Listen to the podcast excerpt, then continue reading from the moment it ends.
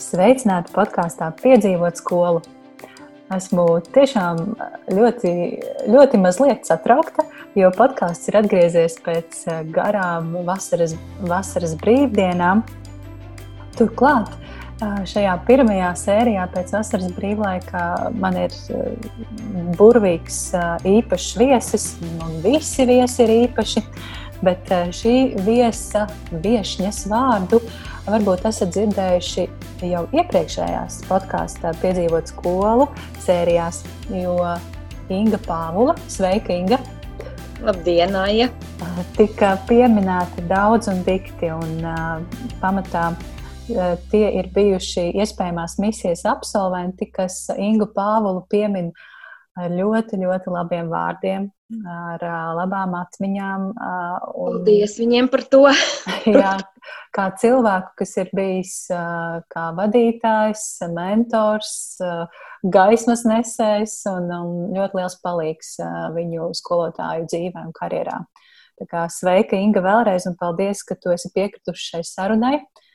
Jā, tā ir, šī ir pirmā sērija, un uh, Es uh, gribu iepazīstināt nedaudz ar tevi. Tu vismaz tas, ko es atradu interneta dzīvēs, un tu varēsi to apstiprināt vai noliegt. Tu šobrīd esi skola 2030 uh, projekta vecākā eksperte un izglītības konsultante, kā arī mentore un supervizore. Vai tas viss atbilst patiesībai joprojām? Jā, joprojām, bet droši vien, ka uh, darbu apjoma ziņā es teiktu, ka uh, Es esmu supervizora, izglītības konsultante, mentore, jo uh, skola 2030 eksperta esmu tieši tālāk izglītības jautājumos. Tā, tā ir tāda, varbūt šobrīd ma mazāka sadaļa manā profesionālajā dzīvē, bet nozīmīga un vēl joprojām klātesoša, protams. Mm -hmm. Jā, es gribēju sākt ar uh, tādu uh, neliela iepazīšanās ar saprāšanu, kas tad tu īsti esi un, uh, un kāpēc uh, tu esi tik nozīmīgs cilvēks uh, gan iespējamās misijas programmas pārstāvjiem, gan vispār izglītībā. Un, un, jāsaka, godīgi par tevi var ļoti daudz ko atrast internetā. Ļoti daudz rakstu, vērtīgas informācijas, ko skolotāji noteikti var lasīt un, un iedvesmoties un ņemt, izmantot. Bet cik ilgi tu pati esi izglītībā? Cik uh, ilgs ir šis posms, cik, cik gadu? Nepieklājīgs ir būt jautājums, bet. Uh... Nē, bet ļoti, ļoti, ļoti pat pieklājīgs jautājums. Uh, paldies par uh, labajiem vārdiem un par to, ka, uh, ka daudz var atrast internetā, jo, kā mēs, kā mēs paši zinām, mēs paši par sevi baigi internetā nelasam neko. Ja?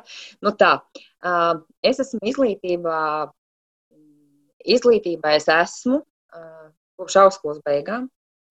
Un tas ir tāds, varbūt tāds, es teiktu, tāds apzinātāks darbs izglītībā no kaut kāda 91. un 93. gada. Un, un, un, un, jā, un tas ir nu, ļoti liels laiks. Es pieņemu, ka viena daļa klausītāju principā ap to laiku ir dzimuši tikai, ja? un, un, un tie ir jau nu, 30 gadi patiesībā. Un, un man ir bijuši dažādas lomas un dažādi darbi, ja tā varētu teikt, ap un par izglītību. Es esmu 11 gadus strādājusi Universitātē pedagoģijas un psiholoģijas fakultātē ar jauniem studentiem, ar maģistriem. Um, es esmu ļoti daudz strādājusi, teiktu, 90. gados, kad dažādas pārmaiņas ienāca izglītībā projektos, gan Soros fonda projektos, kritisko domāšanu, atvērtā skola, uh, interaktīvās mācību metodas, Ziemeļvalstu projektu bija daudz, un es šos droši vien pieminu tādēļ, ka nu, ļoti daudzas lietas no tām uh, tendencēm, kas toreiz 90. gadu beigās, 2000. gados ienāca Latvijas izglītībā, uh, diemžēl neiedzīvojās sistēmiski vai neiedzīvojās lielā daļā skolu, es tā atļaušos teikt, un līdz ar to šobrīd tas, kas ir skola 2030, Tur ir daudz lietas, kuras pieredzējuši skolotāji vismaz pēc virsrakstiem atpazīst. Un tur es tagad biju iebraucis jau tālāk, un manuprāt, no turienes nāk ik pa laikam tā kaut kāda pretestība, ka mēs jau to visu zinām, mēs jau to darām, jo faktiski ir tā, mēs esam par to dzirdējuši. Īpaši uh, tie, tie, kuri ir izglītībā, nu, es teiktu, 20 gadus un vairāk, Jā, virsrakstus un nosaukumus, iespējams, ko vairāk mēs esam dzirdējuši, mēs esam mēģinājuši, mēs esam lietojuši, bet mēs neesam to nu, iedzīvinājuši kā ikdienu lielākajā daļā. Nu, tas, tas varbūt ir tas tāds 90. 2000. gadu darba lauks, kas bija paralēli universitātē strādājot ar skolotājiem. Un, un, un tad kā tādu ļoti Īstenībā kā tādus divus nozīmīgus faktorus es minētu to, ka 2005. gadā un arī mazliet pēc tam es biju kā, tā kā tas būs latviski, respektīvi es biju High Commissioner National Minorities eksperte Vidusāzijā, un tas bija arī tāds, nu, teiksim, pilnīgi cita, cita vide, cits lauks, Bet kāpēc es šo minu kā nozīmīgu? Tāpēc, ka tā bija visticamāk tas laiks un vieta, kad tiešām reāli sapratu, cik daudz no tā, ko mēs Latvijā esam izglītībā izdarījuši, cik tas ir vērtīgi un cik daudz tas ir vērtīgi tām valstīm nu, tajā laikā, Kirgistāna, Kazahstāna, arī Grūzija, ja, kur, kur, kuri, kuri tikko vispār par tām lietām sāk domāt. Nu, tā tāda, es varētu teikt, tāda mūsu Latvijas pieredzes novērtēšana un nešana tālāk, tas bija tāds priekš manis ļoti svarīgs, svarīgs brīdis. Un, um, un otrs tāds ļoti nozīmīgs darba periods ir, protams, iespējamā misija, par ko tu arī minēji,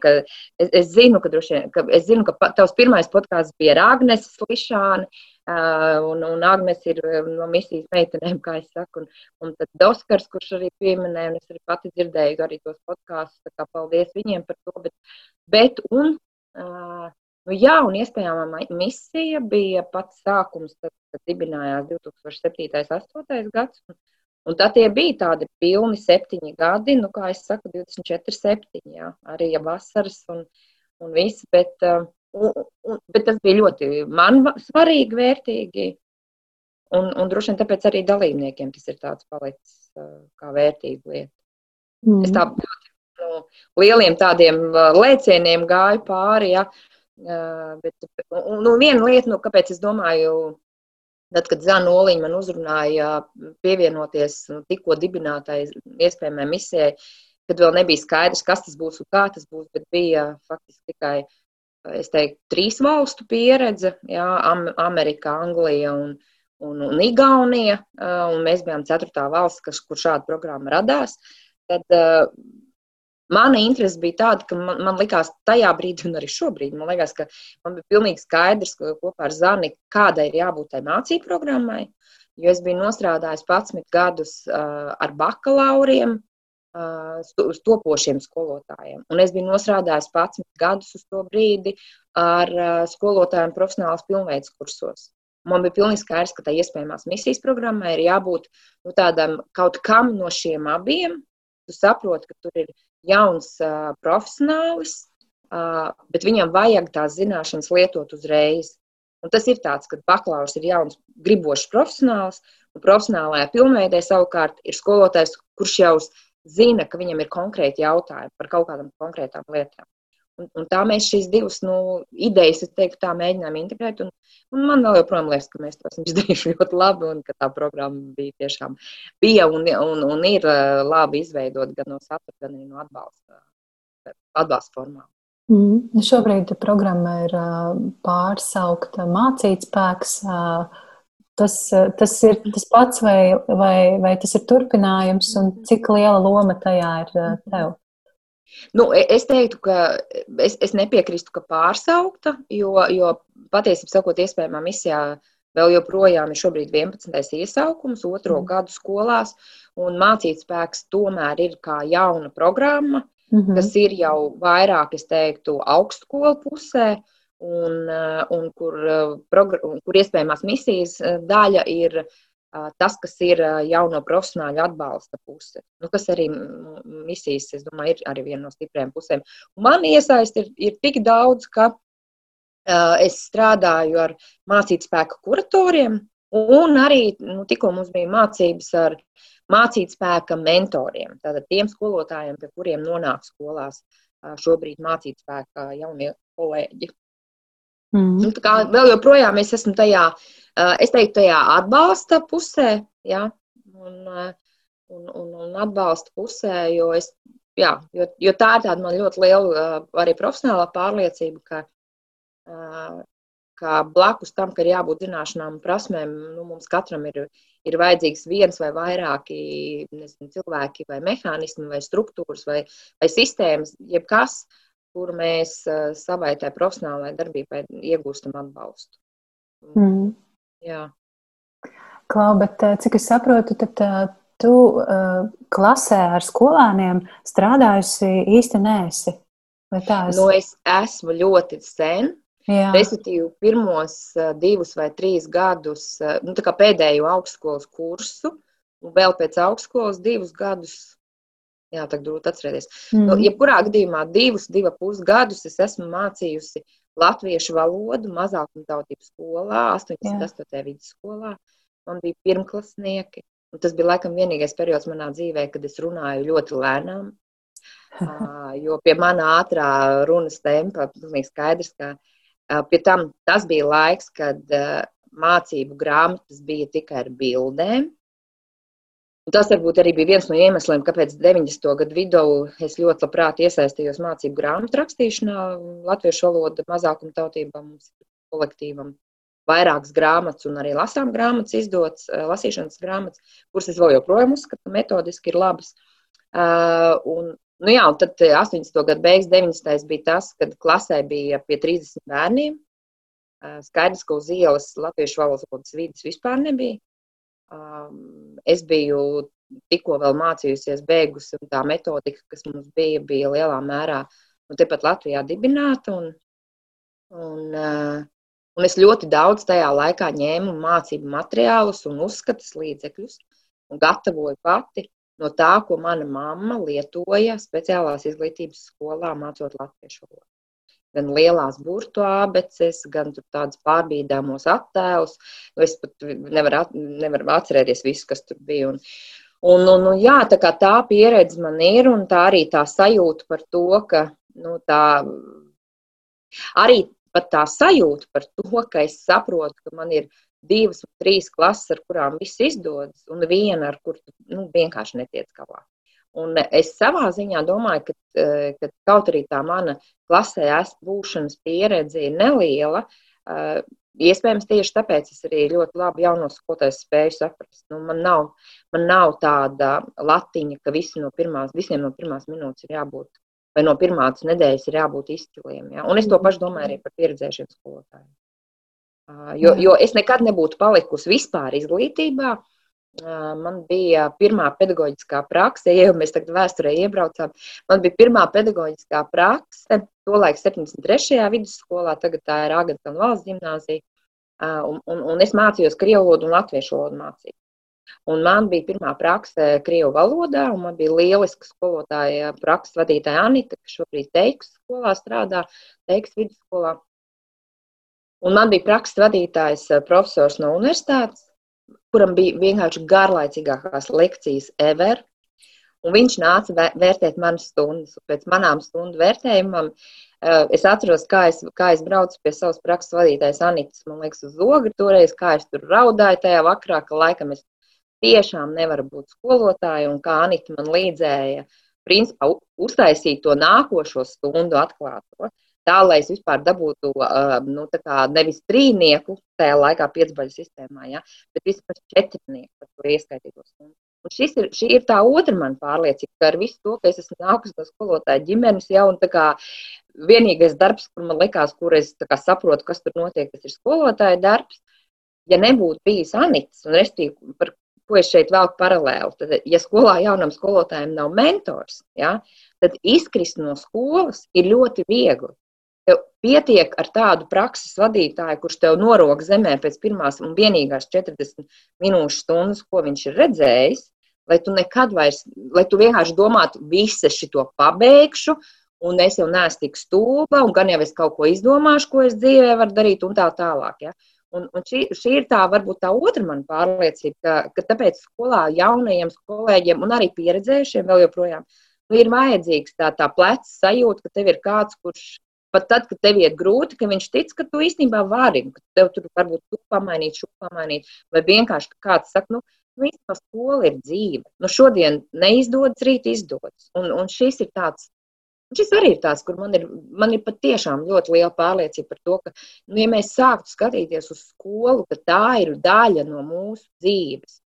Un, eh, un es kādreiz kursos skolotājiem saku, ka, nu, tagad iedomājieties, 12 gadi no jūsu dzīves, tas ir daudz vai maz? Nu, viss saka, nu, bet loģiski, ka daudz, nu, īpaši, ka tev tur ir kaut kā 45 un tev kāds saka 12 gadi no dzīves, aleluja, ja? Tur bērni piedzimst, izšķirās, apprecās, kas vispār nenotiek 12 gadus. Un tad es saku, nu jā, un tagad tiem bērniem, ar kuriem mēs strādājam, tie ir 12 gadi no viņu dzīves. Un mūsu rokās ir vai tos 12 gadus uztaisīt par šausmu šausmas, ja? Vai tos 12 gadus izveidot forši. Mums patīk te kopā nākt un darīt. Jā, mums vienmēr viss neizdodas, bet me, rīt būs cita diena. Nu, Restīvi kaut kā paskatīties, nu, un arī, tiem, un arī skolotājiem. Ja? Nu, tā, tā ir liela daļa no mūsu uh, dzīves. Nevis vienkārši darba dzīves, bet vispār no dzīves. Un tad es godīgi pateikšu, man vienmēr ir milzīgs apbrīns pret, apbrīns pret tiem skolotājiem, kas gadiem iet uz skolu un cīnās ar klasvadību un neko nemaina. Un, un mocās ar tiem skolēniem, un viņi netiek ar viņiem galām, un viņi neprasa palīdzību, un turpina sevi mocīt un iet uz to vietu. Nu, man tas liekas, nu, abrīnas, tāpēc saku, nu, man liekas, tur, es nezinu, kā, kā, kas vēl ir cilvēkiem aiz šī. Ja? Jo, nu, nu, jā, nu, dzīvē nav jābūt ar mocīšanos. Nu, tas, tā, to es šobrīd saku ar savu dzīves pieredzi. Ja? Ka, ka, ja mēs varam ieraudzīt, kā mēs varam dzīvot vieglāk. Nevis, nevis vieglāk, tāpēc ka vienkāršāk, bet ar vieglumu. Tad, tad tas ir tas, kas būtu jāierauga. Un, ja man šis neder, nu, tad man šis neder. Ja? Un man nevajag sev, nezinu, tur piecus gadus pārliecināt, ka varbūt, ja es tur, nezinu, sākšu valkāt kostīmu, tad tie bērni man klausīs. Vai tur, nezinu, nokrāsošu tumšu matus, nevis blondus, un tad vispār man viss tur aizies. Nu, tāds, eh, es tagad ļoti garu par šo runāju, bet, laikam, šī ir tāda būtiska lieta, ka ieraudzīt, nu, kur ir tie atbalsti, kāpēc mums viņus vajag. Un, un, nu, arī kādā brīdī godīgi pateikt, nu, nav šis manējs, nu, nav. Nu, nu, tā. Kaut kā mm. aizgāja tādā negatīvajā līnijā, bet. Nu, Nē, nu, viss, viss ir ļoti aktuāli, es teiktu. Jo ļoti sāpīgi, ļoti aktuāli, ļoti patiesi un ļoti tieši. Un, jā, man gan vis, vis, visa tā, ko tu runāji laikā, man radās vēl vismaz pieci jautājumi. Mhm. Uh, bet uh, pirmais, ko es gribu teikt, uh, es gribētu teikt, ka es abrīnoju, tev ir bijuši divi, divi ar pusgadi skolā ar bērniem, reālā nu, darba vidē ar skolēniem. Jā. Bet cik, cik tu smalki spēj just to skolotāju darbu būtību, Un tas tiešām ir apbrīnojami. Kā tu, kur tu tver informāciju, kā tu tver informāciju, ko tu esi mācījusies, jo tu eh, runā nu, tā kā naglai uz galvas, un es jūtu, es uh, uzreiz analizēju sevi, un es saprotu, re, kur es, re, kur biju es, tur biju arī es, un ko man vajadzēja darīt citādāk. Mm. Kur, kur, kur tev ir šīs, spēks, šīs zināšanas, šī prasme, tas ir dabisks talants, jo es sadzirdēju, ka tu esi no skolotāja dinastijas, mamma ir bijusi skolotāja. un tēts un māsa, jā. jā. nē, nē, nu tā kā, nē, zini kā, es nedomāju, ka tas ir tāds, nē, es īsti, es nedomāju, ka tas ir tāds ģenētiskais, jā, bet varbūt, jā, nu, nezinu. Bet, bet par to prasmi kā, sa, sajust to klasi vai sko, skolēnu, Eh, nu, viens ir tas, ka es arī. Mm, tas tās labs jautājums, jautājums par, nu, par ko tagad eh, es arī kopā ar tevi domāšu, jā, vai atcerēšos. Nu, es domāju, ka viena būtiska lieta ir tā, ka strādājot augstskolā, tieši 90. gados ienāca diezgan daudz eh, tādu pieredzes projektu no Ziemeļvalstīm. Nu, no Dānijas, kā tur notiek kaut kādas lietas. Ja mēs arī īstenībā braucām skatīties uh, tā, pašā Dānijā, kāda ir tāpat otrās valodas metodika. Ja. Uh, man jāsaka, paldies tam laikam augstskolē strādājot kā pasniedzēji, ka tur vecākie kolēģi mūs tiešām tur iekļāva arī tajos projektos, ko mēs braucām un redzējām. Tad, tas, es domāju, tas bija tāds pirmais, ka, ka principā aizbraucot tādā 95. gadā, manuprāt, uz Dāniju un redzot skolu, Nu, jā, ka tur ierauga pilnīgi citu kaut kā, kā lietas var, kā, kā tas var notikt. Ja. Un otrs par to klases un skolas jušanu. Tas varbūt man ir dabisks. Zinu, kas man varētu būt dabisks. Es tagad saku, tas, ka, es, ka, ka, es, ka man izdodas no tā, ko es redzu un vēroju, salikt kopā kādu vai stratēģiju vai secinājumu vai ko ar to darīt, jo, jo man ir prāts ļoti būvēts uz to, ka nu, tagad risinām, ko mēs ar šo darām, ja? un vienmēr tas neder, ja? bet man ir mazliet tā tendence, ka, ja mums te ir problēma, tad ko mēs ar šo varam darīt, ja? kā mēs viņu varam risināt, un tad jau tomēr dzīves gaitā jau kaut kādas prāts uz to iedarbojas. Un vēl es domāju, ļoti liela pieredze man ir bijusi tiešām strādājot strādājot dažādos projektos, un arī tajās pašos mācību grāmatu rakstīšanas grupās. Ja, kad jo vairāk, jo vairāk, jo grāmatas mēs rakstījām kopā, mēs bijām komanda, kur bija praktiķi skolotāji, mēs bijām no augstskolas, un jebkuras tāda miedarbi, miedarbība ir ļoti bagātinoša, un es vēl joprojām to domāju, ka jo mēs vairāk darām kopā lietas, jo mēs vairāk viens no otra varam mācīties, Un, un tas varbūt ir vērtīgi. Nu, un pilnīgi noteikti, tad, kad es 2005. Eh, gadā es diezgan daudz arī tajā pašā Vidusāzijā vēroju stundas un skatījos, kā skolotāji strādā un apzinu savas bērnības laika stundas, kā mūsu skolotāji mācīja, vai, vai, vai tad, kad, piemēram, es strādāju arī dabzinātņu projektā, pirmajā, kas bija 2006. un 5. 6. 8. gads, Tajā laikā es arī diezgan daudz vēroju stundas pie eksato skolotāju priekšskolotājiem. Nu, tas ir viens, nu, manuprāt, es teiktu, tā vērīgums un vērošana, bet ar tādu nevērtēšanu. Nu, tā kā sākt ar, nu, šis ir tas, ko es īstenībā arī kursos mācu, kad mēs runājam par stundu vērošanu. Ja? Galvenā prasme, kas ir jātīst, ir vērot un redzēt, nevis uzreiz likt klāt savu viedokli vai vērtējumu.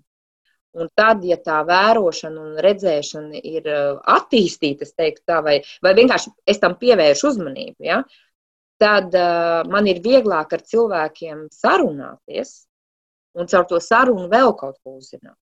Jo, jo tad, ja man uzreiz ir par visu, piemēram, ja mēs runājam mācības stundās, ja man tur uzreiz ir viedoklis, kā vajag darīt pareizi, tur jau nav vieta vairs sarunai, jo tad es nāku Man ļoti nepatīk šis apzīmējums, ka gaismas nesējas, un tu pasaki, šitā ir jādara, ja? un viss, ja.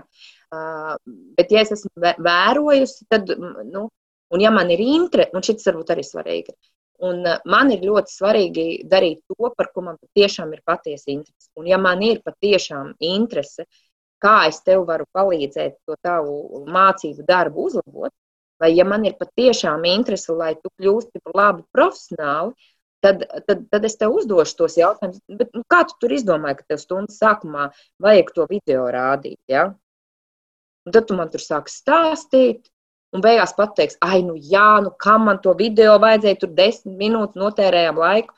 Nu, restīvi, kā dabūt, ka cilvēki sarunājas? Un man liekas, šis ļoti svarīgi. Mēs esam tā bijuši iesprūduši tajā, ka, piedošana, ka es tā saku, iesprūduši, bet tomēr, ja, tajā, ka stundas vajag analizēt. Ja? Nevis, ka mums vajag pēc mācību stundām profesionāli prast sarunāties par to, ko darīt citādāk.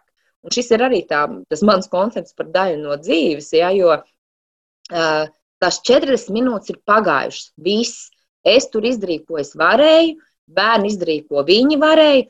Kāda jēga man prasīt jautājumu, ko jūs varējāt darīt citādāk? Nē, nu tieši ko. Ja? Tas ir beidzies.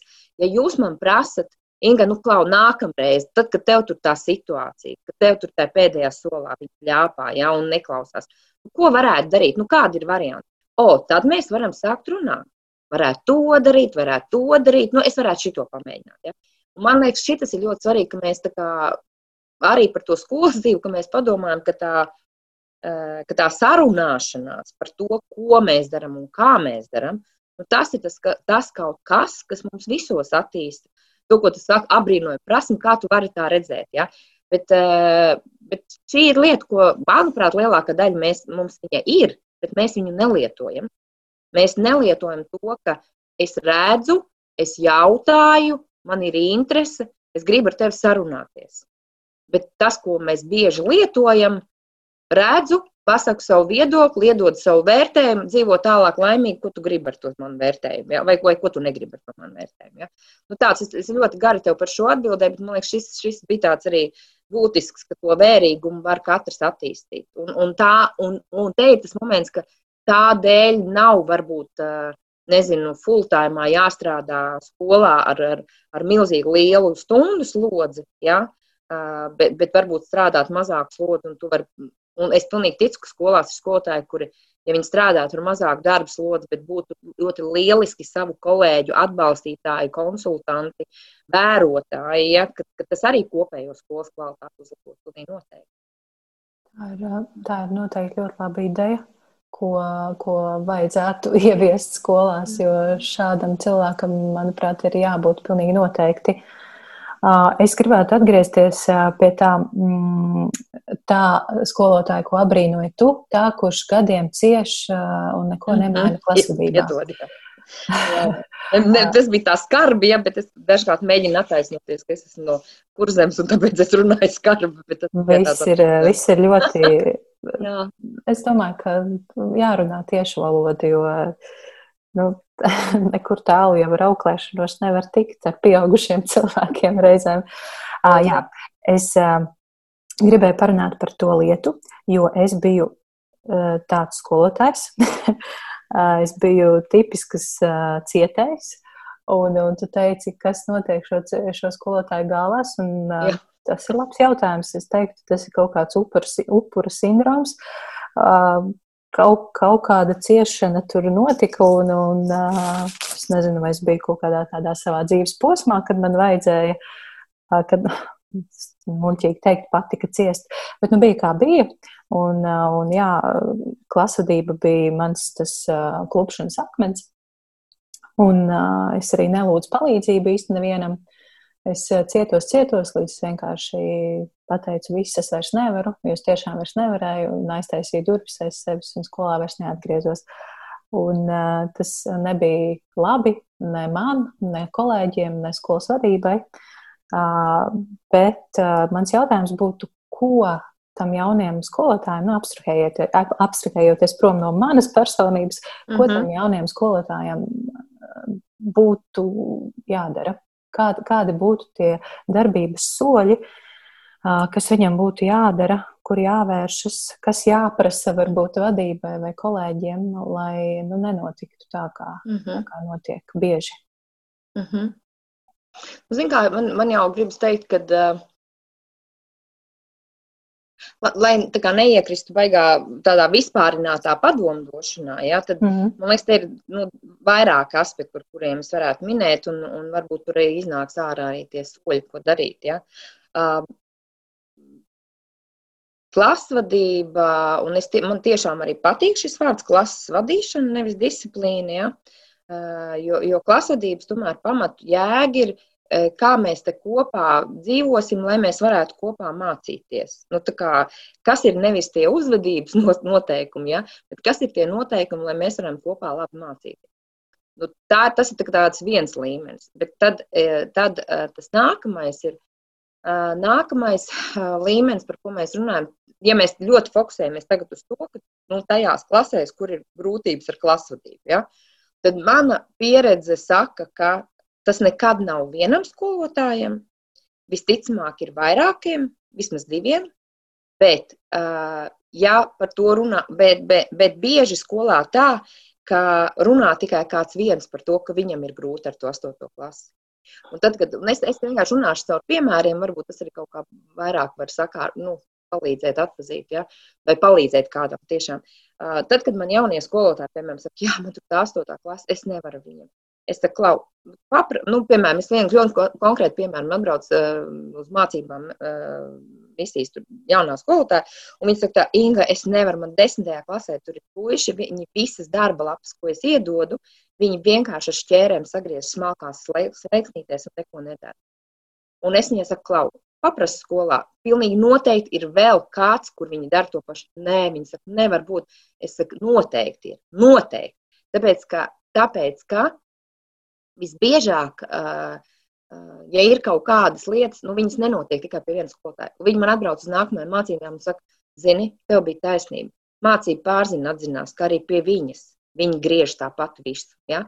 Un šis ir, kāpēc es šo stāstu, man ir vairāk tādu stāstu, ka tad, kad tas jaunais skolotājs iet virsū kolēģiem un individuāli prasa, vai kādam vēl nav ar to klasi, vai ar tiem bērniem. Ja?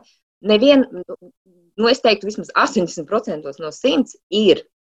Un, un tas ir tas, ka pieredzējušie skolotāji nu, kaut kā tiek ar to situāciju galā, vai nu viņi tā kā mm, norīt un līdz nākamajai nedēļai. Ja?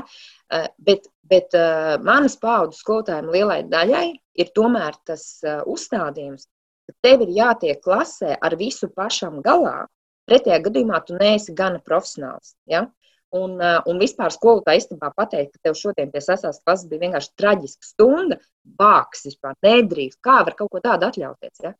Un, un tas ir tas, kur, piemēram, ienākot jaunam skolotājam skolas kolektīvā, ja viņš sāks ko te īstenībā prasīt, klau, kolēģi, kā jums šodien ar astotajiem, nu, tad tā var redzēt, ja, ka, ka kāds beidzot pavelks un saka, jā, šodien vienkārši kaut kas tur nav. Mēnesis vārds vai vēl kaut kas, vai, vai vēl kaut kas. Ja? Un, un dabūt, tad tas pirmais solis ir saprast un dabūt, kuram vēl iet līdzīgi tajā skolā, ar to klasi. Un otrs solis būtu saprast, a, kurš ar viņiem, nu es tā rupi tagad teikšu, kurš ar viņiem tiek galā. Un tad es varu, un tad, nu, šitais bišķiņ būs no tādas, nu, es tā ar humoru tieši no tādas ezotērikas varbūt izklausīsies, ja. Bieži vien ar klasvadību iet vai neiet līdzīga tipa skolotājiem. Un to es no pieredzes varu teikt, ka es aizbraucu vienā skolā, kur man bija jaunā skolotāja. Viņa saka, es nevaru, es domāju, ka tāpēc, ka es tik mieru, es saku, nu, kuram vēl ar to klasi neiet. Un tagad ienāk tā pieredzējusī skolotāja. Viņas abas sēž, mēs runājam, es ko te īstenībā, viņām abām ir lēns runas temps. Viņas abas ir ļoti mierīgas. Viņas vispār nespēja iedomāties, ka viņām vajadzētu balsi pacelt. Apārēji visi skolotāji - kārtīgi ekstraverti. Ja vajag, tad tur tā, ja vajag, tad tur šitā. Respektīvi, klase ļoti precīzi. Nevis tāpēc, ka tā viena skolotāja ir jauna, otra ir pieredze, bet tur kaut kāda nostrādā emocionālā dinamika, un viņi vienkārši Viņi neprot reaģēt kā cilvēki, kā bērni uz kādiem, kuri runā mierīgi. Ja, ja, ja klase ir pieradusi, ka no pirmās klases, un šitien ir, šitien es teikšu, ir, dažkārt ir vērts aiziet apskatīties uz sākuma skolas skolotāju, kura tajā klasē ir bijusi. Un, un, un no sākuma skolas skolotājiem mums Es negribu vispārināt, bet tomēr sākums skolas skolotājs, kurš ļoti daudz ar vienu klasi strādā, viņš iedod kaut kādu kopējo to, to attiecību vai komunikācijas modeli. Un, ja tie bērni tur atvainojas, ir turē, turēti, kā saka, dzelžu cimdos, ja, nevajag brīnīties, ka 4. vai 5. klasē, kad viņam parādās 6, 7 skolotāji, viņi vienkārši iziet no rāmjiem. Jo kā, kāds mūs visu laiku turēja, tad mēs, mēs saprotam, kā dzīvot, kad mūs tur bet mēs nezinām, kā dzīvot, kad mums atdod brīvību. Ja? Nu, un šis ir kaut kas tas otrais solis, saprast, kā citi kolēģi, viņi, kā viņi veido tās klasvedības attiecības un vispār kā, kā tā dinamika tajā klasē veidojās.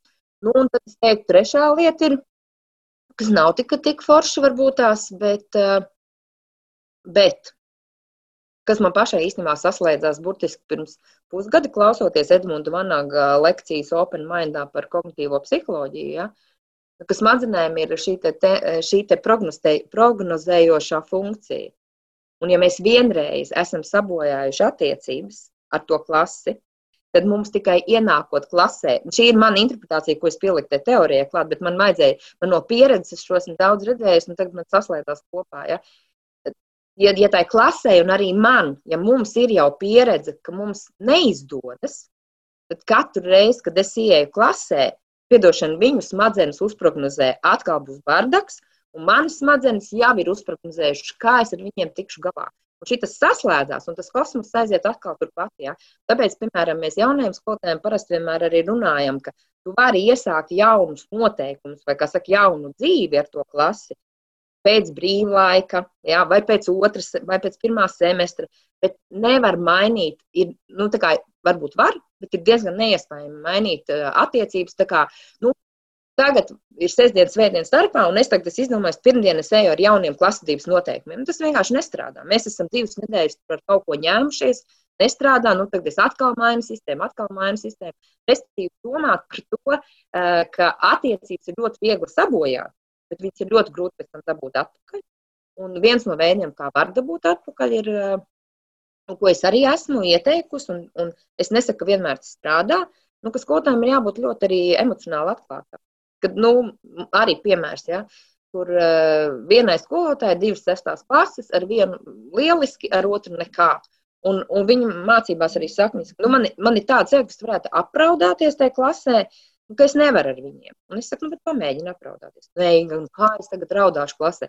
Es saku, es nezinu, vienkārši pamēģini. Ja tev ir tāda sajūta, nu, tu, jo iekavās skolotājiem mums ir tā, respektīvi, ja mēs nerādam bērniem, kā emocionāli mēs jūtamies, ja viņi tā rīkojas, tad kurā vietā dzīvē viņi sapratīs, ka šādi rīkojoties, cilvēki tiek sāpināti, vai šādi uzvedoties, kādam ir slikti. Ja?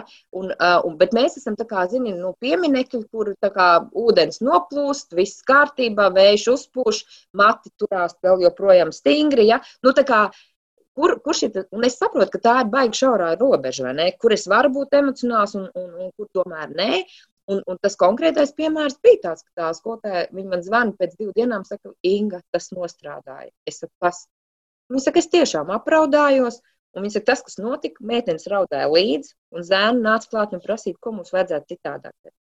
Un šis ir kaut kas, kur es nesaku, ka tas vienmēr strādā, bet, bet, bet, bet tas, ka ja tā emocija rodas tur tajā vietā ar tiem konkrētiem cilvēkiem, bet, ne, bet piemēram, es viņu neesmu atstiepusi nezinu, no mājām vai, vai no iepriekšējās stundas, tad man liekas, tas ir tikai godīgi bērniem un nevis pārmetu formā, bet es formā.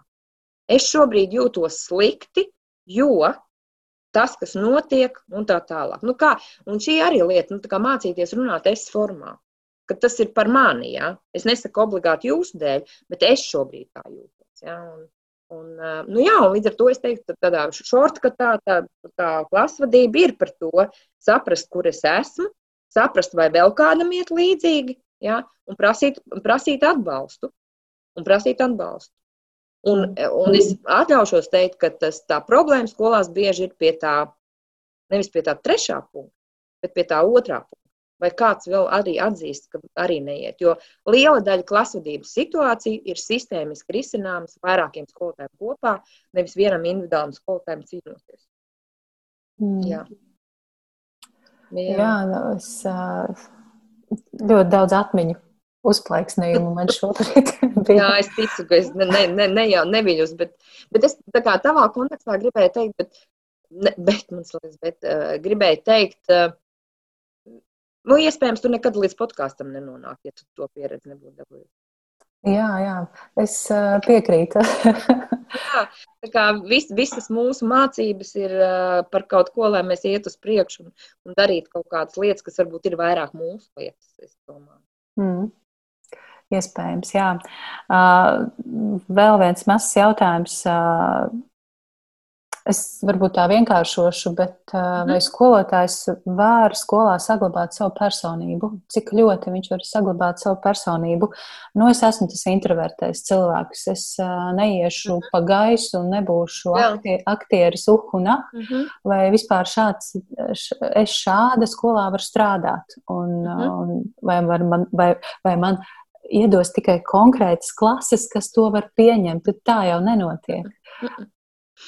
Nu, zini, kā ir, ir tā, ka, ir tā, nu, ka šis ir lielisks jautājums, jo es varu pastāstīt par vienu no pieejām. Mēs misijā ļoti apzināti ņēmām introvertus cilvēkus atlasē.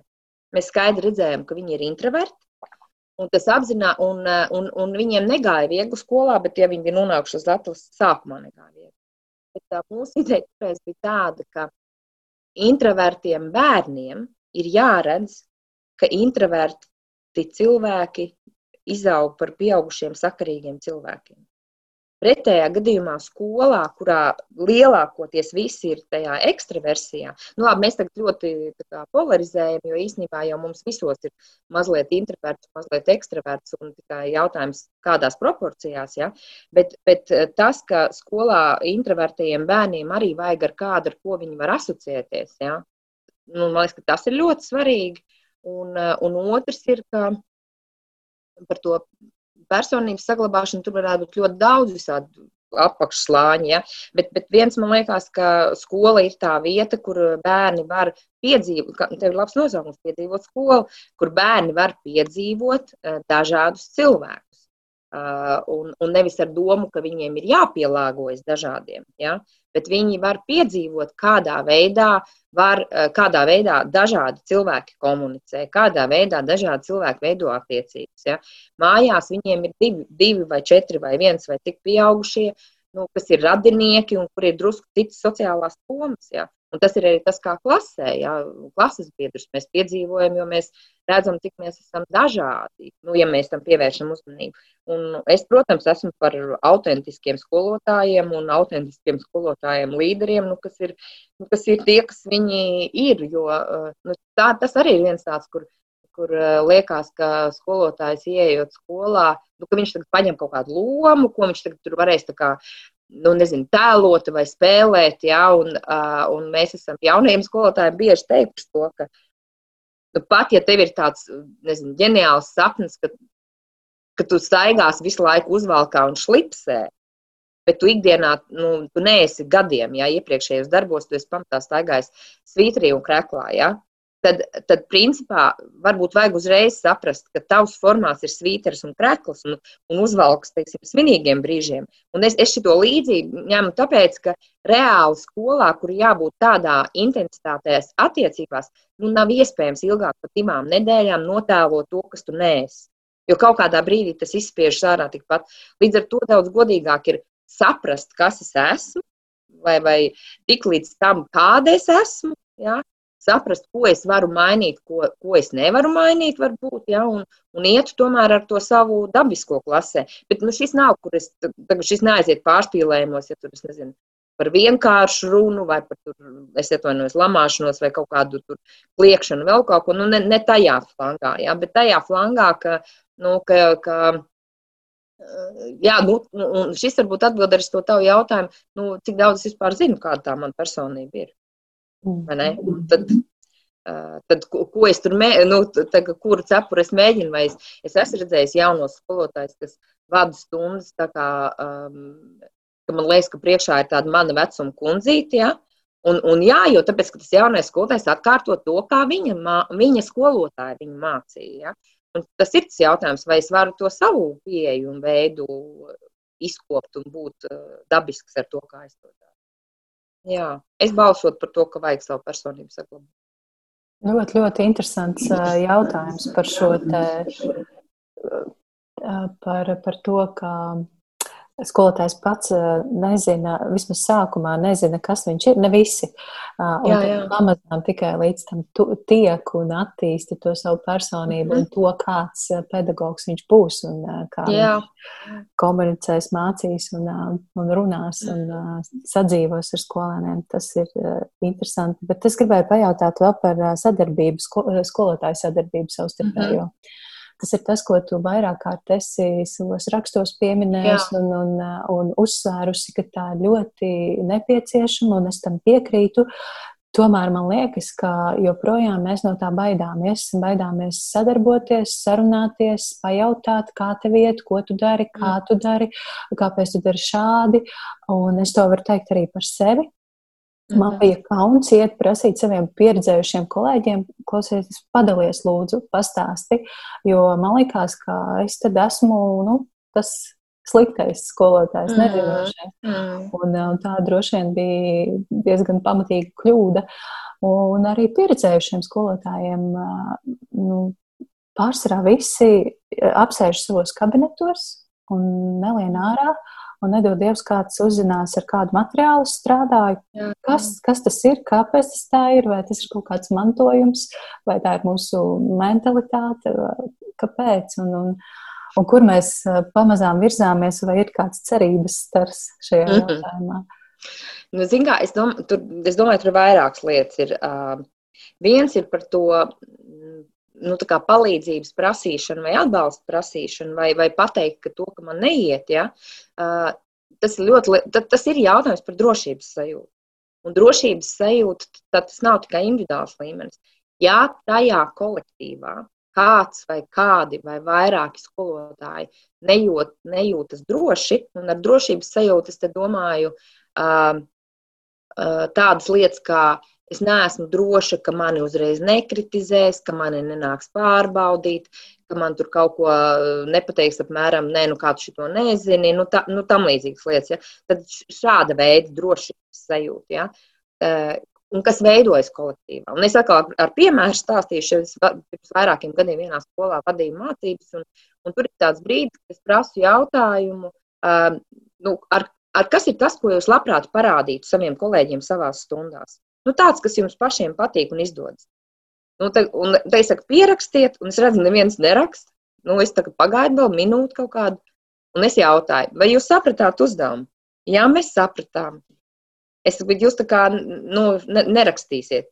Nē, es saku, nu, tā kā, nu, ja jūs tā kā negribat par to runāt, jā, mēs par šito nerunāsim. Nu, labi, protams, kas uzreiz pasaka par kolektīvu kaut ko. Jā, nu, jo mēs negribam, jo jautājums bija, ko tu pats gribētu parādīt saviem kolēģiem stundās. Resīgi to, ko tu zini, ka tev izdodas labi ka tas tev pašam patīk un vēl kaut ko.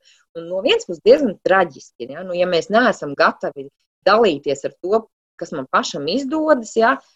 Nu, nu, un tad vismieklīgākais vai, vai skumjākais bija pašā tās semināra dienas beigās, kad uh, jaunā skolotāja angļu valodas saka, es tomēr gribētu uz to jautājumu atbildēt. Es saku, nu, nu, un viņa tagad stāsta.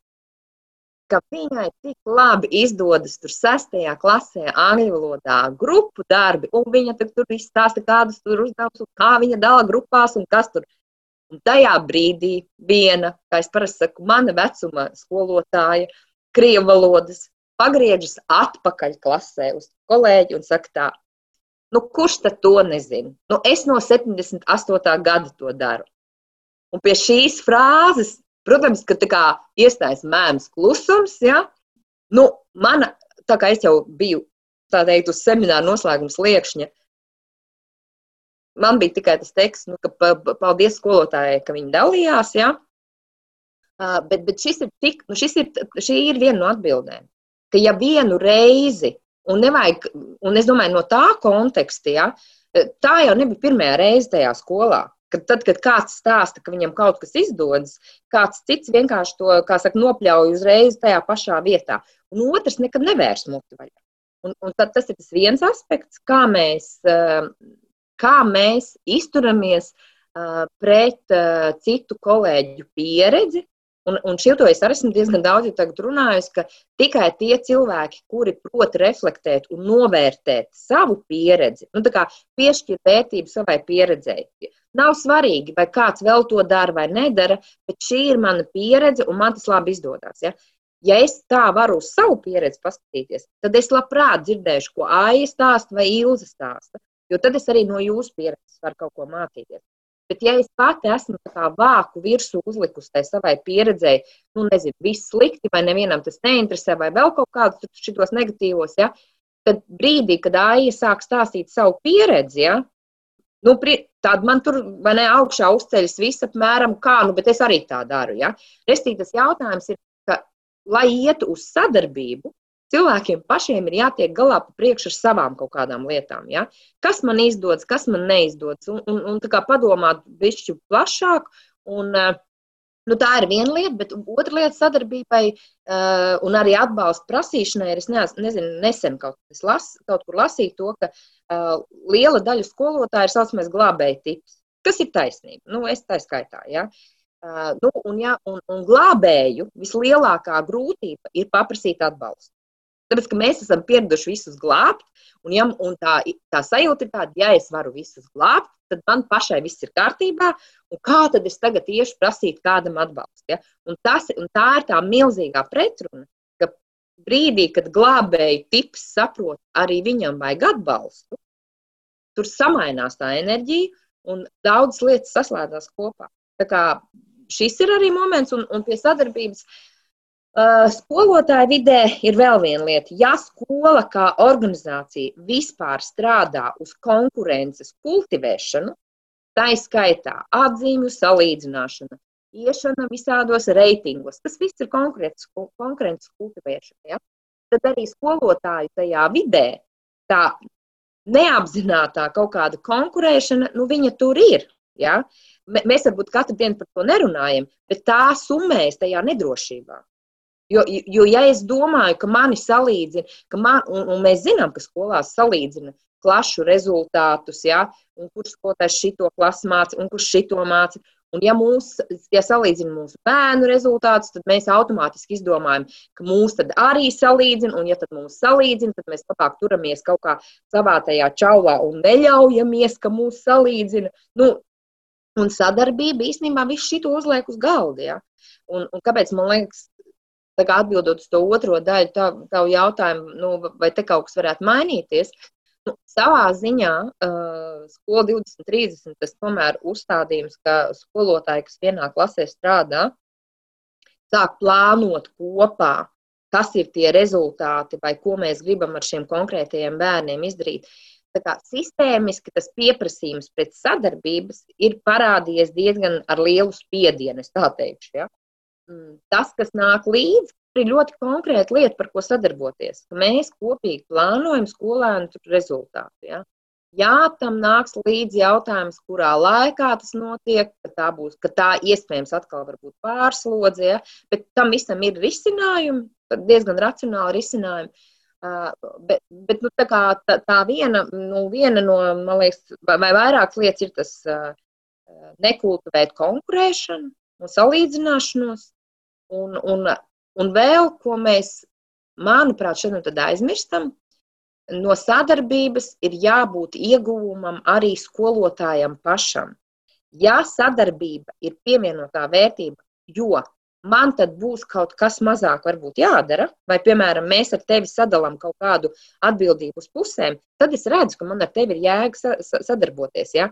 Bet, ja tā sadarbība ar tevi man iedod vēl papildus kaut kādus pienākumus, nu, tad objektīvi, ja, es viena pati šo izdarīšu ātrāk, ja, ne, nekā kopā ar jums. Un šis ir, nu, es domāju, tā līdzība, nu, piemēram, tu pat noteikti atceries, kad bērniem iedod grupā uzdevumu. Ja grupas uzdevums ir tiešām tāds, kur, ja katrs izdara savu gabaliņu, mēs ātrāk un labāk tiekam uz priekšu, bērni labprāt to dara. Bet, ja skolotājs iedod grupas uzdevumu, kur principā viens cilvēks tiktu ātrāk un sekmīgāk, ja, tur, neka, tur nekas nesenāk no tās sadarbības. Ja? Un, un šitie ir ļoti līdzīgi, ja, ja starp skolotājiem tai sadarbībai ir uzstādījums, kā mēs ar šo sadarbību paši sev un bērniem atvieglojam dzīvi.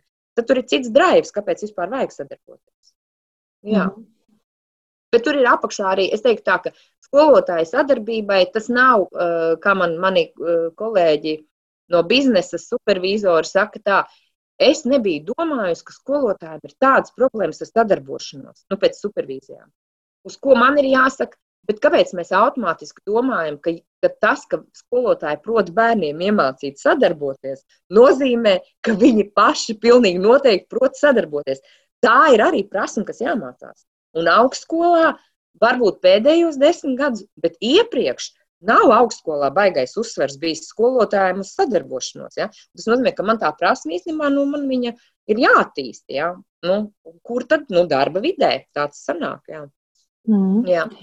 Jā, mans nākamais jautājums bija, kas būtu veiksmīga sadarbība starp skolotājiem, bet uh, es domāju, ka tu ļoti labi jau to atbildēji un izstāstīji, izklāstīji visu uh, diezgan skaidri.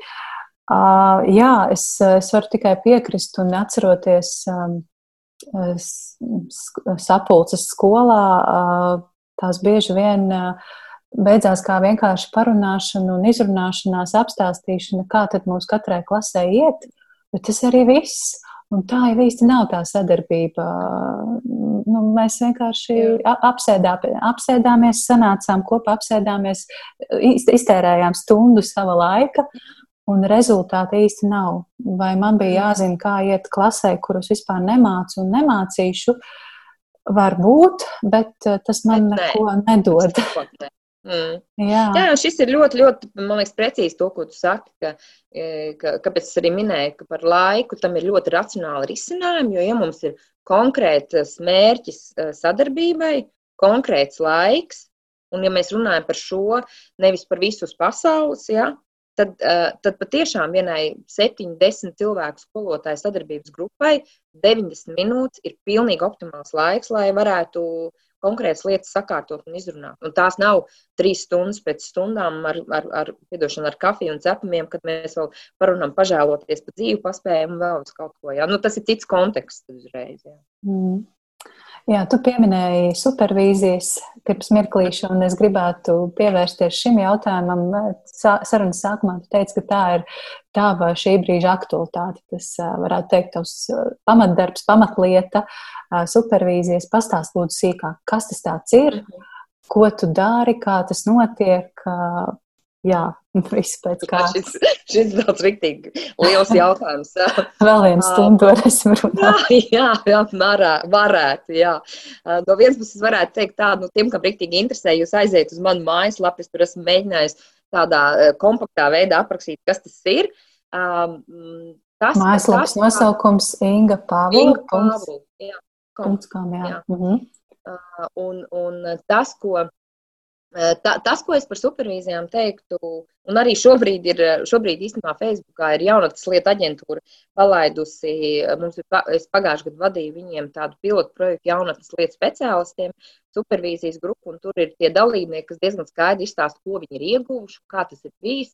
Un es par supervīzijām skolotāju kontekstā īstenībā teiktu tā, ka Nu, mans tas redzējums un skatījums par supervīzijas skolotājiem ir, ir, ka tā ir iespēja kā skats no malas pašam uz savu, ko tu ikdienā dari, darbu. Tas, jā, protams, ir arī refleksijas prasmes attīstīšana, bet man liekas, ka tas, kas ir ļoti būtiski, vismaz tas, kā es veidoju supervīzijas vai, vai grupām vai individuāli, ir, ka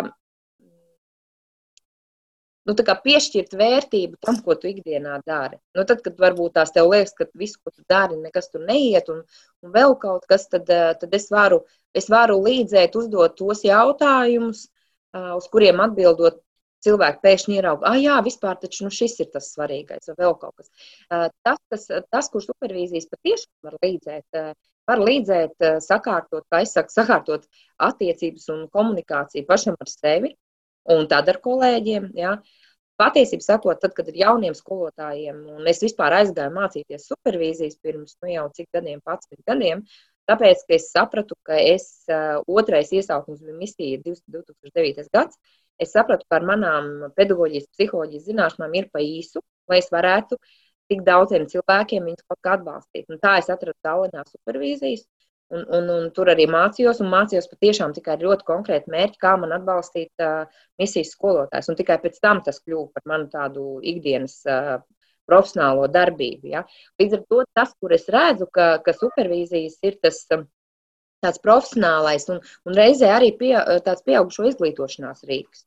Ka caur šo me, tā nav psihoterapija, un es varu godīgi pateikt, ka es esmu no tiem supervizoriem, kur, ja man šķiet, ka te ir kaut kas vairāk, kas ir saistīts varbūt ar terapiju, tad es arī uh, atļaujos no tiem klientiem, ar kuriem varbūt ilgāk strādāju, arī teikt, ka vispār varbūt vajag paskatīties arī tajā virzienā. Ja? Bet pēc supervīzijas manā izpildījumā tā ir saruna, bet dažkārt mēs zīmējam. Tas, ko es pati esmu iesākusi tagad, iet dabā supervīzijās, mēs vienkārši staigājam divas puses stundas pa mēžu ar sarunām un arī kaut kādiem uzdevumiem pa vidu. Un tiem, kas ir, piemēram, Rīgas cilvēki, tā, tā meža supervīzija dažkārt ir daudz uh, intensīvākā nekā darba vidē vai kabinetā esošā. Tur pieslēdzas kaut kāds arī dabas elements ļoti liels klāts un tāda lielāka varbūt atvērtība arī, manuprāt. Uh, un, un, un, un jā, nu, supervīzijā, un man, mans uzskats ir tiešām tāds, ka mums ir pašiem, mums ir pašiem atbilde lielākoties uz tiem jautājumiem, kuri mums rodas. Tikai mums vajag kādu, kurš no ārpuses noformulē vai uzdod to jautājumu, lai mēs paši tiktu pie tās atbildes. Mums nav atbildes uz jautājumiem, kas mums nerodas. Tur varbūt tās ir vajadzīgs supervizors, kuram uh, mēs iesākam ar to, ka tu stāsti to situāciju, vai to gadījumu, vai to sajūtu, vai kas ir tas, kā es tev varu būt noderīga. Un tad ir tie mani jautājumi, ar kuriem mēs nonākam pie tā, nu, ko te var darīt, vai, vai ko te nevajag darīt. Piemēram, arī tā var būt.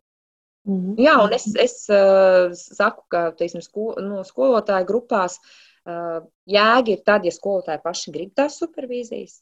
Man ir bijusi pieredze, kad administrācija nozīmē, un tas ir diezgan mokoši, manu mokoši klientiem, jo, jo nu, ne, nevar nevienu cilvēku ar varu piespiest, piespiest reflektēt par savu pieredzi. Ja, un, un, un, un, un otrs ir tas, kas, kas, protams, ir ļoti svarīgi, ja, ka, bet kas ir man atbildīgi tādā gadījumā grupā uh, par, par drošības sajūtu. Un, ka cilvēkiem jājūtas droši tajā, tajā grupā, lai viņi var tiešām, lai viņi zina, ka tā ir konfidenciāla vide, lai viņi zina, ka viņi var runāt par tām savām vajadzībām un, un problēmām. Un, un man liekas, ka priekš skolotājiem tas ir varbūt viens arī no iemesliem, kāpēc es šobrīd saku, ka es daudz labprātāk piedāvāju supervīzijas un konsultācijas skolotājiem, skolotāju grupām, arī vadības komandām, kā tiešus seminārus. Tāpēc, ka, manuprāt, šobrīd ir izaugusi, kā es saku, treneru tālāk izglītotāju paudze, kuri var mācīt gan jaunās skolu 20, 30 pieejas un metodas, man šķiet, ka tas lauks, kur pieredzējušiem skolotājiem ir vajadzīgs atbalsts un tādas sarunas un, un refleksijas, tas ir vairāk nu, ka tajā, tā, tajā laukā mana pievienotā vērtība varētu būt lielāka. Nu, es, es tā to teiktu. Mm. Jā. Klau, bet kā, kā tas notiek? Pats, pats process gluži nē, bet, nu, teiksim, skolotājiem ir problēma kaut vai ar to pašu klasvedību, vai viņš mm. jūtas nedroši skolā, vai viņam mm. liekas, ka neveidojas attiecības, labas attiecības ar mhm. kolēģiem. Ar šādām problēmām nāk Jā. Un tad, un tad uh, un, ar šiem jautājumiem un atbildēm jā, kaut kā tas un, un dažkārt tās ir arī, piedošana, dažkārt tās ir arī kaut kādas asociatīvi, asociatīvās metodas vai mākslu metodas, ļoti dažādi, vai kustības arī, ja. Tā kā tās metodas ir ļoti dažādas, kā mēs, nu, kā mēs nonākam pie, eh, vispirms jau pie tās problēmas tā kā apzināšanās, jā, vai, vai, vai tādas, nu, atvēršanas, tā drīzāk teikt, un tad pie risināšanas, bet ir arī ļoti daudz situācijas, kur kur, kur nāk ar jautājumu, nu, apmēram tā man viss ir apnicis. Es tā kā, es nezinu, vai es to vairs gribu darīt. Ja, un tā. un, jā, un ir manā pieredzē, kur, kur cilvēki īstenībā saprot, ka, ah, nē, es gribu šo darīt. Ja. Vai arī tieši otrā saka, labi, nu, nu, piemēram, ja, tas teiciens, kas nu, īstenībā skolotāja vidē ik pa laikam es viņu dzirdu, nu, es mainītu kaut ko, bet ko tad es vispār citu varu? Es jau tikai varu būt skolotāja, jo es jau tikai protu mācīt, vai ne? Un, un, tad, un tad viens no vingrinājumiem, ko mēs veicam, es aicinu, lai cilvēki saraksta, kas ir tās prasmes, kas viņam ir kā skolotājai.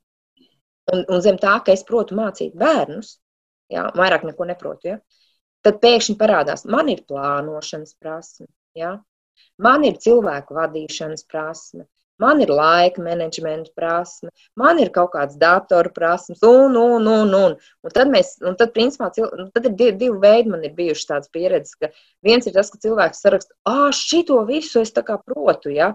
Labi, ir, kurā darba vietā šito vajag, ja? Un savēlk un saprot, ah, jā, es varbūt varētu pieteikties par kaut kādu projektu menedžeru vēl kaut ko. Nu, ja tiešām ir tā sajūta, ka jāmaina darbs. Ja? Bet ir citi, kuri savēlk un ierauga, es šito visu protu. Ja? Nē, nu labi, ir, tad es te varu turpināt vēl, ja, un es taču vēl, nu tā kā dabū otru elpu. Un, un, man, un man tiešām liekas, ka, ja cilvēki no supervīzijām var dabūt otru elpu, uh, vai, vai, vai dažkārt tā pat nav otrā elpa, bet dažkārt tā ir patiesībā atgriešanās pie tā, nu, kāpēc es vispār kaut ko tādu esmu iesācis. Ja? Un tad ir, jā, šis bija tāds. Es mm. kaut kur biju pazaudējis šo.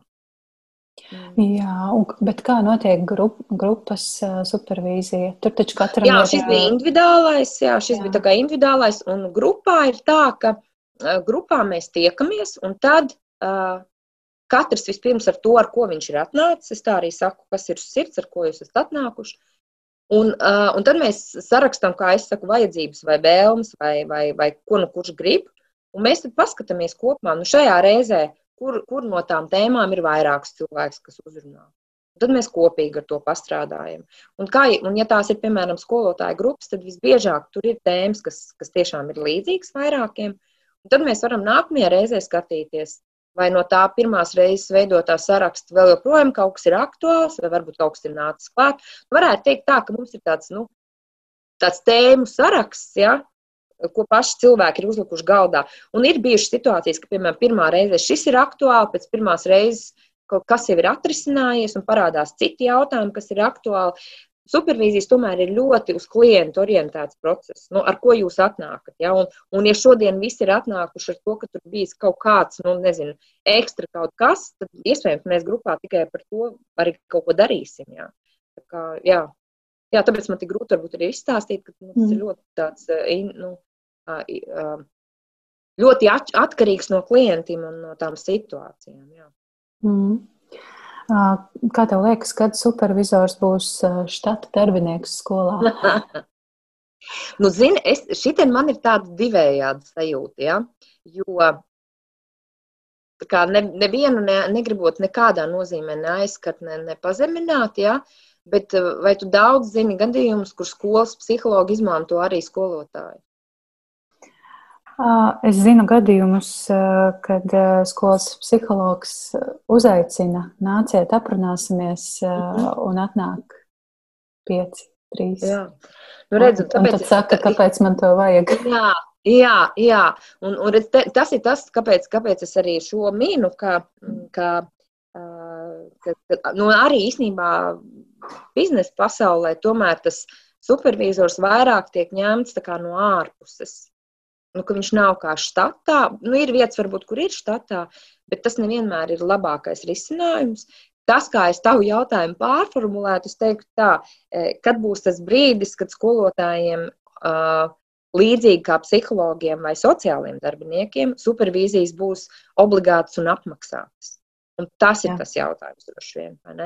Jo, jo šobrīd arī šobrīd Bet šobrīd arī parādās tendences. Pati to redzu, ka, ka skolu vadītāji sāk meklēt savām skolu komandām vai, vai piemēram, pašvaldībā izglītības pārvaldes sāk prasīt, vai varētu tur skolu vadītāju grupai. Kā, kaut kas te mainās, un, un es domāju, tā mainīšana, tā maiņa ir arī tādēļ, ka, nu, ka cilvēki jūtās arī tāpēc, ka ir tās pārmaiņas izglītībā. Cilvēki saprot vairāk, jā, ka vajag kaut kādu papildus atbalstu, lai mēs eh, pierodam pie tās nenoteiktības, jā, un pie tām pārmaiņām, un, un lai mēs turpinam eh, darīt lietas ar prieku, nevis vilkt kā smagu nastu un tā tālāk.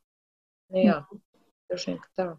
Jā, es, es ceru, ka šo sarunu klausās skolu vadītāji, direktori un administrā, administrācijas pārstāvjies. Tiešām aicinu šādu iespēju saviem kolēģiem norganizēt. Un, un tātad Ingu Pāvulu var meklēt mājaslapā ingapāvula.com. Tur ir viss ļoti skaisti aprakstīts, viss ļoti skaidri atrodams, kontakti, visu, visu. meklējiet un sazinieties ar Ingu. Un, Es domāju, ka tu tālāk spēsi palīdzēt ikvienam. Jā, un es arī var, varēšu ieteikt kādu, savus kādus kolēģus, ja ir kaut kāda specifiskāka lieta, būtu vajadzīgs kā cita veida atbalsts. Kā jā, droši. Mm.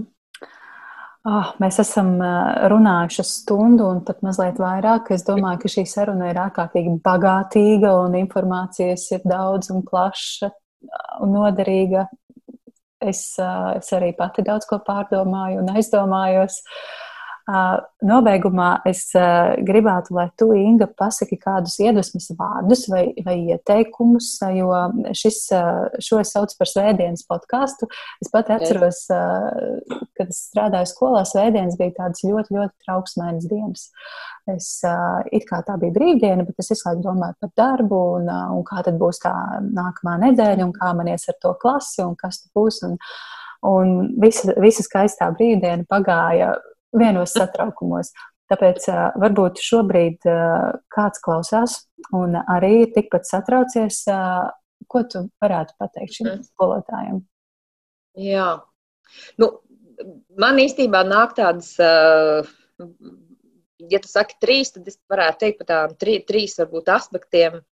Un varbūt ne tikai svētdienā, bet tajos brīžos, kad, nu, tā kā liekas, nolaižās rokas. Ja? Uh, tad man šķiet, nevis man šķiet, bet tas viens jaut, vien, viena lieta, ko var sev, sev atgādināt vai pajautāt, ja, ir tāda, kāpēc man ir svarīgi būt par skolotāju? Nu, vai kāpēc man ir svarīgi būt direktoram? Kas nu es esmu? Ja? Un, uh, un, un, un uh, tas jautājums ir ne tik daudz sociāli, nu, teiksim, tā, tā sociāli vēlama atbilde, ja? jo bērniem vajag skolu un ir izglītota sabiedrība, kas viss ir pareizi. Ja? Bet šo es bieži vien arī kursos izmantoju, kad es arī jautāju skolotājiem, nu, kā atcerieties, kā jūs nonācāt šajā profesijā. Nu, nav svarīgi, tā vai šā, bet jūs tur nonācāt, jūs tur esat kaut kādu laiku, un tad padomājiet, um, padomājiet kāpēc jums ir svarīgi būt un darīt šo darbu. Un tā atbildes, tās atbildes ir milzīgs spektrs. Varbūt tas, ka man patīk ar jauniem cilvēkiem strādāt. Varbūt tas, ka es gribu, lai visi interesējas par vēsturi tāpat kā es. Varbūt tas, ka šī ir vienīgā vieta, kur es varu saņemt regulāru atalgojumu. Varbūt tas, ka šis, šī ir darba vieta, kas ir tuvu manām mājām. Varbūt tas, nu, tur katram būs kaut kas savs, bet man šķiet, ka tā godīgā atbilde sev, kāpēc es to daru, ko es daru, um, iedod spēku īpaši tajos stresa brīžos. Jo, jo tāpēc, ka tad, ja mums ir grūti un stress, visi tie skaistie vārdi, ka mēs darām kaut ko tikai priekš citiem un tikai par citiem, viņi vienkārši zaudē jēgu, jo normāli cilvēks, organisms saprot, ka resursi ir beigušies, ir vajag resursus sev, Un es nevaru vairs padomāt par kādiem bērniem, kuriem vajadzētu izcils matemātikas stundas. Ja? Bet, ja man ir tas manējais dzinulis, ja, kāpēc es to daru, tad es šīm situācijām arī nu, varu. Nu, labi, es nepārspīlēšu vienmēr viegli, ja, bet vismaz vieglāk. Ja? Un paturēt to, nu, kāpēc es to daru, ja? kāpēc man ir svarīgi. Nu, Un, un, ja man tā atbilde galīgi neapmierina, tad kaut kas dzīvē ir jāmaina. Ja? Bet nu, šis ir tāds, kāpēc man ir svarīgi. Tad otra lieta, par ko par ko es iesaku skolotājiem domāt, tādā bišķi apgrieztā formātā. Nevis, nu, jā, es tiem bērniem iedodu to un to un to un to skolai, ja? bet atbildēt uz jautājumu, kas būtu tas, ko tie bērni nesaņemtu, ja jūs nebūtu skolā. Nu, tā kā apvērsti, ja? ko viņi nekad nepiedzīvotu, vai nesastaptu, vai neieraudzītu, ja jūs nebūtu ar viņiem tajā skolā. Un šis ir nenormāli spēcīgs, jo mēs pēkšņi kaut kā, nu, lielākoties no pieredzes var teikt, ka mēs pēkšņi kaut kā ieraugam, ka jā, bet ja es nebūtu, viņi nekad angļu valodā nedziedātu dziesmas. Nu, piemēram, ja? vai, vai tur vēl kaut kāda. Nu, katram nāk ārā ļoti tāds specifiskais, ja? specifiska vai tas, kas ir tas mana pievienotā vērtība. Ja? Tad, ko tie bērni nedabūtu, ja es pirmdien neaizietu uz skolu? Nu, un, ja tā atbilde ir tāda, nu, tā kā neko un ko, nu, tad vajag supervīzijas, ja? es tā teiktu, tad vajag supervīzijas. Uh, un uh, trešais ieteikums, kas, kas nu, man ļoti daudz ir palīdzējis, gan ar skolotājiem strādāt, gan pašai, nevis pārināt.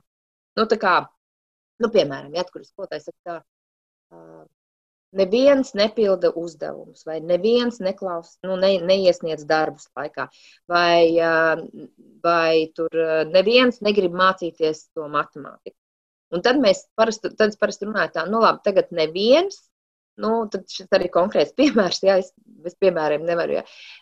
Nu, man jaunā skolotāja saka, tā, nebija jāiesniedz ir darbi, man neviens neiesniedz darbus laikā. Es saku, labi, cik bērnus mācīt? Nu, viņi tur rēķina, rēķina, viņi saka 75, saku, labi, 75 bērnus. Cik no tiem bērniem neiesniedz darbus laikā? Viņi teica, tā, tā, tā, 12. Un tad, kad viņi pasaka 12, tad viņi pati tā kā ievelk elpu un saka, ah, nu jā, tas nav tā, ka neviens, ja? Un, un šis ir, man liekas, ļoti svarīgs priekš skolotājiem saprast, ka nevis vispirms ieraudzīt tos 12, kas neiesniedz, bet vispirms ieraudzīt tos 60, kas iesniedz tos darbus.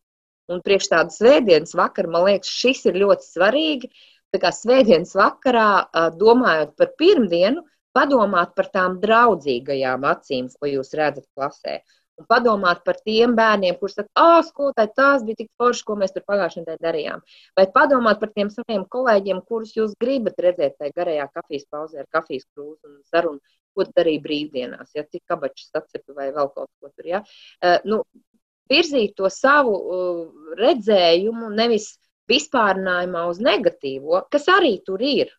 Bet, bet kā mēs zinām, uh, vērtība ir tam, kam mēs piešķiram uzmanību.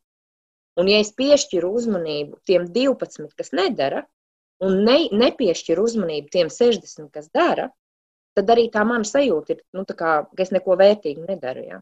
Kā, nu, man liekas, šis ir svarīgi uh, vispārināt tad, ja man ir konkrēti dati un fakti, cik tad ir tie cilvēki, par kuriem es te domāju, un pievērst uzmanību tam, kas izdodas, tā, tiem, kuri dara, un tiem, kas grib. Un tad tas otrs gals vai nu pievilksies, vai atkritīs, vai kaut kas tur mainīsies, bet nešķies savu enerģiju tik daudz uh, patiesībā uz to nelielo daļu, kas negrib un nevar, un kuriem varbūt vajag kaut kādu īpašu grūdienu, lai viņi sāktu darīt. Jā. Paldies! Jā. Es domāju, ka šie ir tādi kārtīgi spēka vārdi gan nākamajai darba nedēļai, gan vispār šim jaunajam mācību gadam. Es pašā, pašā sarunā, sarunas noslēgumā vēlētos citēt tavu blogu, Inga. Wow, nu, nu.